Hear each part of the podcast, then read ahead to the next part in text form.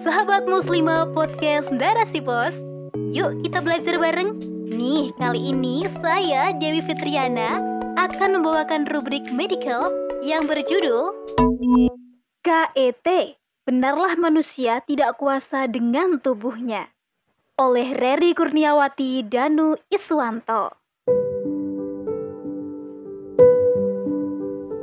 Allah Subhanahu wa taala berfirman dalam Quran surat Al-Zuhruf ayat 87 yang artinya Dan sungguh jika kamu bertanya kepada mereka siapakah yang menciptakan mereka?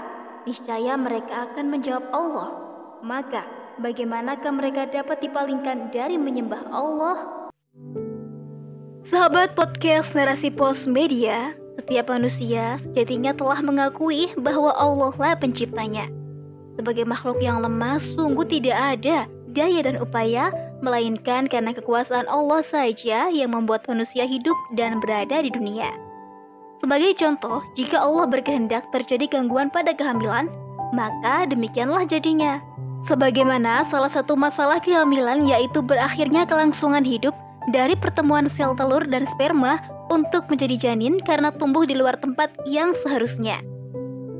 Bagi orang awam, mungkin sulit untuk memahaminya. Namun dalam dunia medis atau kebidanan, masalah ini disebut dengan istilah KET atau kehamilan ektopik terganggu. Kehamilan seharusnya terjadi di dalam rahim. Apa jadinya jika kantong kehamilan tumbuh di luar rahim? Pada KET ini, umumnya kantong kehamilan tumbuh dan berkembang di saluran telur atau tuba falopi. Dengan demikian, sobat narasi pos, kantong kehamilan tidak tumbuh sebagaimana kehamilan normal di dalam rahim. Nah, tuba falopi adalah saluran kecil yang berada di bagian kiri dan kanan rahim yang berfungsi untuk mengantarkan sel telur dari ovarium ke rongga rahim. Pembuahan pertemuan sel telur dan sperma terjadi di saluran ini, hingga kemudian sel telur yang telah dibuahi tersebut masuk ke rongga rahim.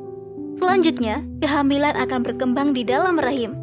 Secara fisiologis, rahim manusia dapat memperbesar 10 kali lipat lebih besar dari ukuran semula. Bahkan bisa lebih. Dari ukuran kurang lebih sebesar telur ayam dengan rata-rata berat 60 gram hingga dapat mencapai berat 1000 gram pada akhir kehamilan dan dapat menampung satu atau lebih janin di dalamnya. Masya Allah. Berbeda halnya dengan rahim. Jika kantong kehamilan berkembang di tuba falopi, maka seiring dengan membesarnya kehamilan, tuba falopi tidak mampu mengembang sehingga terjadilah robekan pada tuba falopi. Keadaan ini dapat memicu pendarahan hebat di dalam rongga perut. Bisa lebih dari 500 cc darah keluar dan tertampung di rongga perut. Dan hanya sedikit atau bahkan tidak terlihat keluar melalui vagina. Keadaan ini tentu sangat mengancam nyawa seorang perempuan yang mengalami KET. Selain itu, ada gejala lain yang juga membahayakan nyawa adalah adanya rangsangan saraf di sekitar rongga perut akibat robekan tuba falopi dan pendarahan. Rangsangan ini menimbulkan rasa sakit yang luar biasa.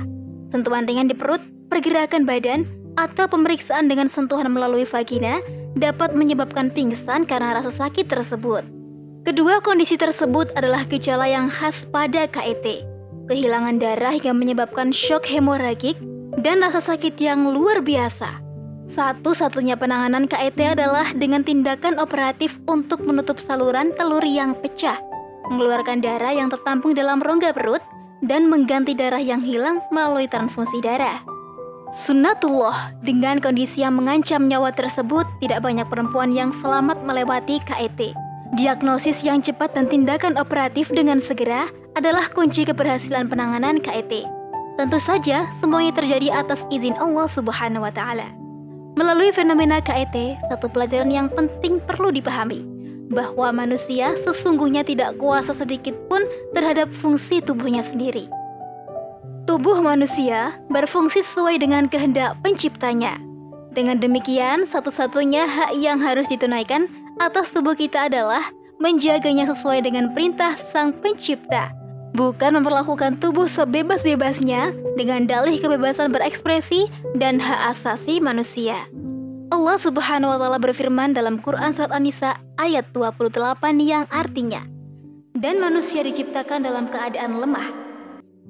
Nah, sobat, dari ayat ini kita tahu benarlah bahwa manusia itu lemah dan tidak kuasa dengan tubuhnya sendiri.